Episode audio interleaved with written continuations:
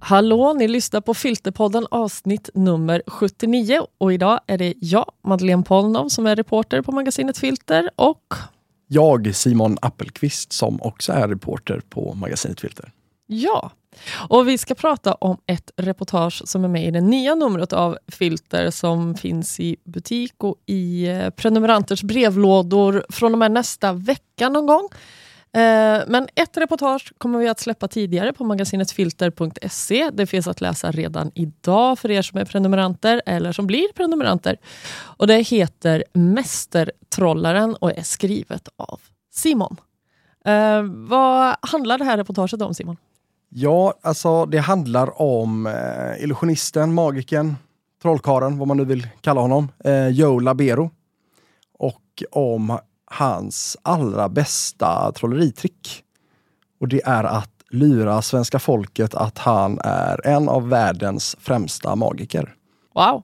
Det här ska vi alltså prata mer om i dagens avsnitt. Men eh, först så tar vi ett ord från vår sponsor. Det här avsnittet görs i samarbete med Hasselbladstiftelsen. Nästa vecka öppnar en ny utställning på Hasselblad Center här i Göteborg.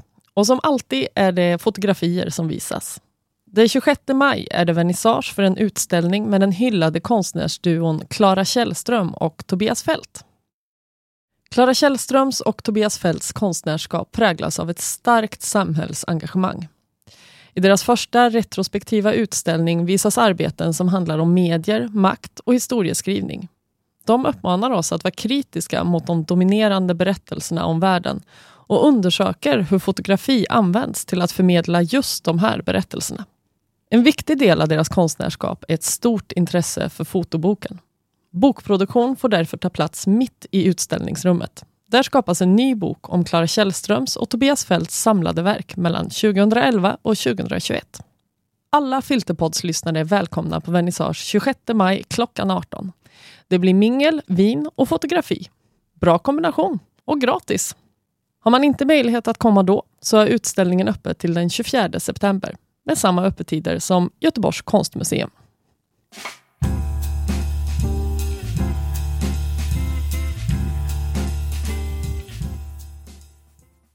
Okej Simon, Joe Labero.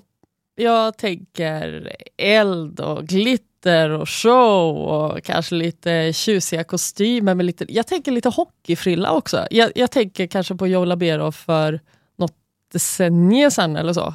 Las Vegas Joe Labero. Men nu var det ganska länge sedan jag hörde talas om honom egentligen. Ja, så var det ju. Alltså, idén till det här reportaget kom faktiskt eh, när vi fick ett pressmeddelande om att Joe Labero skulle uppträda i Trosa. Eh, och först så tänkte vi liksom direkt att, eller vi tänkte bara att eh, det är inte Las Vegas direkt längre. Inte riktigt. Nej. Nej även om Trosa är en härlig stad så är det inte, ja, det är inte kasino och eh, boulevarder. Nej, inte riktigt va? Men, eh, men det gjorde att, att, att, eh, att, hans namn då låg färskt i minnet eh, när jag eh, senare läste ett blogginlägg som vi hade fått eh, skickat till oss. Och det var skrivet av en man som heter Tom Stone. Och han kanske inte är särskilt välkänd, eh, åtminstone inte här i Sverige, men han är välrenommerad, eh, liksom etablerad trollkar och magiinstruktör eh, och hade skrivit ett blogg blogginlägg som, som handlade om Merlin Award. Okej, okay, Merlin Award, vad, vad är det för någonting?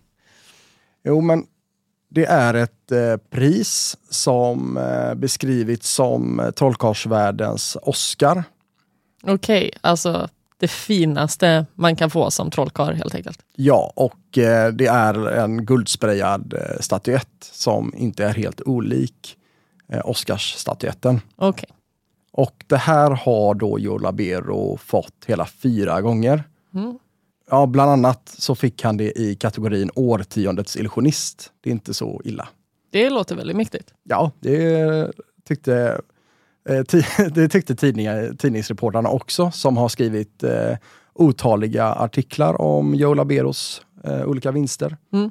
Eh, och i nästan alla artiklar eh, så nämns, nämns det att han har fått det här priset och eh, han använder det fortfarande i sin marknadsföring eh, när han turnerar runt i Sverige. Mm. Och ja, och det finns ju bara ett problem med det här priset och det är ju att det är fejk. det är fejka. Det låter ju lite problematiskt förstås ifall eh, det används till att marknadsföra eh, sin turné i Trosa. Eh, nej, men eh, hur, eh, eh, hur är det här priset fejk då menar du? Men det var det här som Tom Stone skrev om i sitt eh, långa blogginlägg. Inom trollkarlsvärlden så har det här priset eh, varit välkänt länge. Eh, men första gången som som någon eh, berättade om det mer publikt kan man väl säga egentligen att det var när Tom Stone, han publicerade ett blogginlägg på svenska och ett på engelska. Och eh, i kommentarsfälten eh, haglade med eh, trollkarlar från hela världen som frågade om de fick översätta det till sina språk och delade i, eh, i sina eh, länder då. Okej, okay, så det har varit känt inom trollkarlsvärlden att det, att det är fake just, att det, det är ett påhittat pris? Ja. Ah, mm. Men man har liksom inte, man har inte velat eh, ja, eh, gå ut med det. För det är inte så lätt att få uppmärksamhet alltid och, och det är inte alltid så lätt att, att göra PR som, som trollkarl. Eh, och därför är det ju just att använda det som trollkarlsvärldens Oscar har i alla fall eh, visat sig vara ett, ett effektivt sätt att, att få tidningsrubriker. Mm, just det. Så många trollkarlar har ju liksom eh, dragit nytta av det här priset också kan man säga. Ja, ja. Eh, verkligen. Och eh, Merlin Award instiftades av en, eh, kanske lite taskigt att säga, men det får man nog ändå säga att han var, en misslyckad trollkarl eh, som hette Tony Hassini. Han eh, är från Cypern eh, ursprungligen, men flyttade för flera decennier sedan till, eh, till New York. Och där försökte han sig på en karriär som skivproducent. Det gick inte heller så bra. Efter att ha misslyckats som skivproducent så blev han Burry Kings eh, maskot under en eh, reklamkampanj som de körde under 80-talet. När de sen la ner den här reklamkampanjen så började han sälja instruktionsvideor med trolleritricks. Det här var då hade vi glidit in på 1990-talet. För att få mer uppmärksamhet så hittade han på ett pris. Eh, och det är ju det här Merlin Award som han själv helt godtyckligt delade ut till eh, ja, vad han tyckte var lämpliga kandidater. Och en av dem var Joe Labero som ja, fick priset första gången 1998. Då flög Labero och hans team in Hassini till Göteborg Eh, och Hassini var med under en av hans shower där och lämnade personligen över den här guldsprayade statyetten i slutet av Laberos föreställning. Och rubriken blev sen Priset för en förtrollad natt. Men då hade det ju ändå gått ganska många år sedan Hassini instiftade det här priset då för att egentligen marknadsföra sig själv och få mer uppmärksamhet för sina eh, olika trolleriprodukter. Eh, visste Labero att det här egentligen bara var ett PR-trick för Hasini på den här tiden? Det är lite oklart. Eh, Labero själv menar ju att han inte gjorde det. Mm. Utan att han, han var glad för att få ett pris. Mm. Vem inte det? Ja. Eh, och här kom en från amerika, en amerikan, eh, Las Vegas, glitter och glamour. Eh, så att ja, jag vet inte. Han, eh, han påstår i alla fall att han, han inte eh, visste att det var ett påhittat pris då. Mm. Men under åren som har, som har gått sedan dess så har det ju blivit tydligt att det här bara handlar om en sorts ja, byteshandel mellan Hassini och diverse trollkarlar som vill ha, ha mer uppmärksamhet och ja, eh, få rubriker egentligen. Mm. Ofta så flygs Hassini in och det är inte sällan i samband med en ny föreställning till exempel. Eh, så oj, nu fick jag ett pris. Oj, nu ska jag också ha en föreställning som rullar här på den här arenan. Eller på den här teatern. Och eh, ja, de, eh, de använder det i sin marknadsföring helt enkelt. Och eh, Hassini får ju flyga runt och, och hänga med eh, trollkarlar som jag förmodar att han gillar och eh, se världen. En win-win situation för Hassini och eh, pristagaren. Så kan man säga. Mm. Men visst är det även vissa som faktiskt har eh, tackat nej till det här priset? Ja, så är det ju. Eh, det finns ju några av de mest välkända trollkarlarna eh, idag heter Penn Teller. Och eh, de har ju tackat nej. Eh, medans andra som Labero och en eh, amerikansk trollkarl som heter Chris Angel har återkommande använt det här priset. Beror på hur mycket draghjälp man behöver ha kanske. Um, på ett vis så känns ju inte det här jätteförvånande. Jag tänker, alltså trollkarlsyrket går ju krasst ut på att man ska lura folk och skapa illusioner och sådär. Så är det. Ja. Men ja, alltså, ja men så är det ju verkligen. Eh, och det är kanske svårt att dra den gränsen. Men det som fick bägaren att rinna över för eh, trollkarlskollegorna var under trollkarls-VM i Kina. Och då fick Labero Merlin Award och all uppmärksamhet. För det var inte bara att han fick Merlin Award, han blev dessutom utsedd till årtiondets illusionist. Mm, det var då han fick det. Ja, och eh, det hade en annan trollkarl eh, fem år tidigare redan fått. Årtiondets illusionist, ja, Merlin Award. Något med matematiken där som inte helt stämmer. Ja. Nej. Eh, och det var dessutom en året efter. Så att det var två samma årtionde som fick Ja. pri, eh, priset Å- Årtiondets illusionist. Eh, ja, och så att Labero eh, fick all uppmärksamhet eh, trots att eh, det var flera svenskar som vann medaljer i trollkarls-VM. Och de menar ju att när man kliver av scenen så får man sluta trolla. Då är eh, illusionen är, är över. Eh, men Labero följer egentligen en, en gammal tradition kan man säga inom trollkarlsyrket. ja, det är inget nytt eh, påfund här utan trollkarlar har gjort så här i, i alla tider. Ja, eh, åtminstone tillbaks till eh, 1700-1800-talet. För det var då som trollkarlar började egentligen kämpa om utrymme på scenerna och behövde marknadsföra sig. Och då kunde man dra till med några rövare. Mm. Eh, vi har ju en på 1800-talet, en trollkarl som kallade sig Riddar Epstein. Och han eh, gick upp på scen och bad en eh, åskådare att eh, skjuta honom. Mhm. Och hävdade sen att, eh, eller tidningarna skrev i alla fall om att han hade dött på scen. Oj, ja. Så det blev ju eh, liv i luckan kan man väl säga. Ehm, och sen var han eh, död och begraven kan man säga i flera år. Tills han återuppstod. Okej. ja. Eh, och det, det funkade eller? Som PR-trick? Att Ja. återuppstå från de döda? Ja, det var kanon. Folk eh, tyckte han var grym som kunde göra ett sånt fantastiskt trolleritrick. Och fick uppträda för ja, den dåvarande svenska kungen. Till exempel. Mm, mm. Eh, men sen finns det även en av de mest kända trollkarlarna, Houdini, som ljög för att framstå som, som mer framstående han var. Så ljög Houdini och eh, beskrevs av sina samtida kollegor som, som en högst medioker trollkarl. Eh, och han kallades för, för lögnare för att han hade en ovana att hitta på att han eh, uppfunnit olika trolleritricks som var urgamla. Ah, Okej. Mm. Finns det några mer eh, nutida exempel än eh, vid förra sekelskiftet?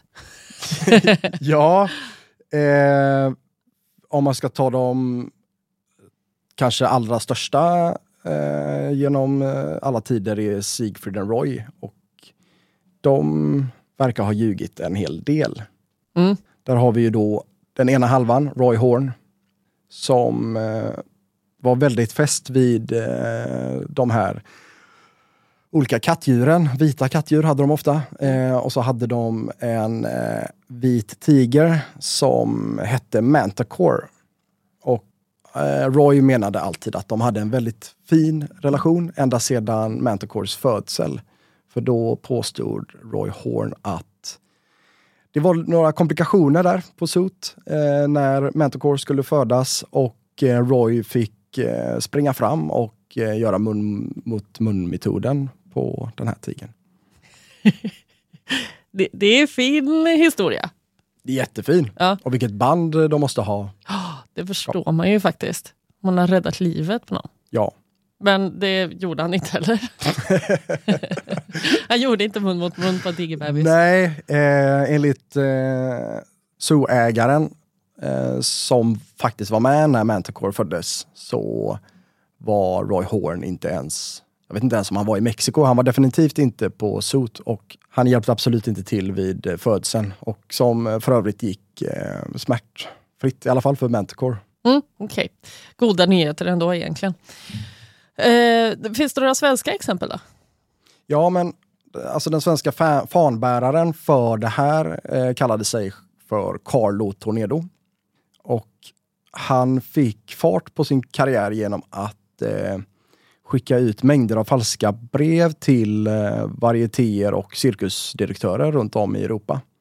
De här breven signerade han med olika påhittade trollkarlsnamn eh, och skrev att de var inspirerade av den stora Carlo Tornedo.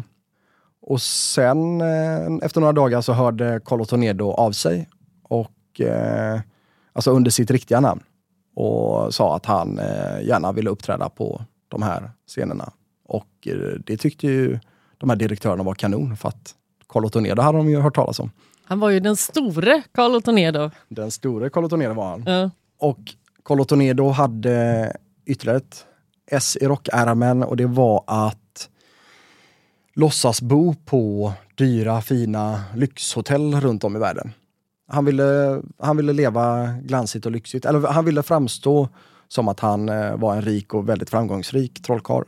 Men i själva verket bodde han några hundra meter därifrån på ett billigare hotell.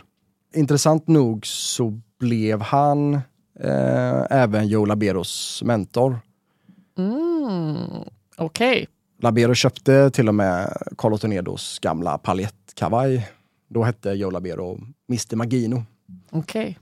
Det låter som att man kanske har lärt eh, Joe Labero ett och annat om tveksamma men smarta marknadsföringsmetoder. Man kan tänka sig det ja. Ja. Bygga image eh, definitivt. Och eh, Carlo Tornado var Joe Laberos mentor och förebild fram tills han gick bort eh, för ett par år sedan. Jag har ju läst, ja, kanske inte alla, men väldigt, väldigt många artiklar om eh, Labero. Och i de flesta så är han, är han själv intervjuad och det finns ju mängder av spektakulära påståenden från, eh, från Labero. Mm. Eh, jag tänker till exempel på en rubrik som kom när kronprinsessa Victoria skulle fylla 25 och då skulle Labero uppträda för henne på Öland och eh, då sa, hade, ja, hade Labero gått ut och sagt att han skulle bjuda på ett eh, trolleritrick där han klippte sönder Victorias eh, folkdräkt. Oh. Okej. Eh, och, och just det där tricket körde han faktiskt även med när Bill Clinton var på besök i Stockholm. Eh, då var de med i en eh, sån här ja, kändisgolftävling där den svenska kändiseliten var med. Och då berättade han för kvällspressen att han skulle eh, trolla för Bill Clinton och eh, ha en kopia av Monica Lewinskis klänning så skulle han klippa sönder den framför Bill Clinton och samtidigt fråga Have you ever dreamt, dreamt of doing this? Smakfullt ändå. Ja, väldigt smakfullt. Eh, och samtidigt sa han att man får göra det med stil och klass. Vet inte hur det skulle gå till riktigt. Känns det finns en motsättning där. Ja. Ja. Eh, men inte nog med det, han skulle även ut och turnera eh, med eh, ja, dåtidens största popband, Backstreet Boys. Skulle, de skulle ha en, eh, ja, en gemensam show världen över.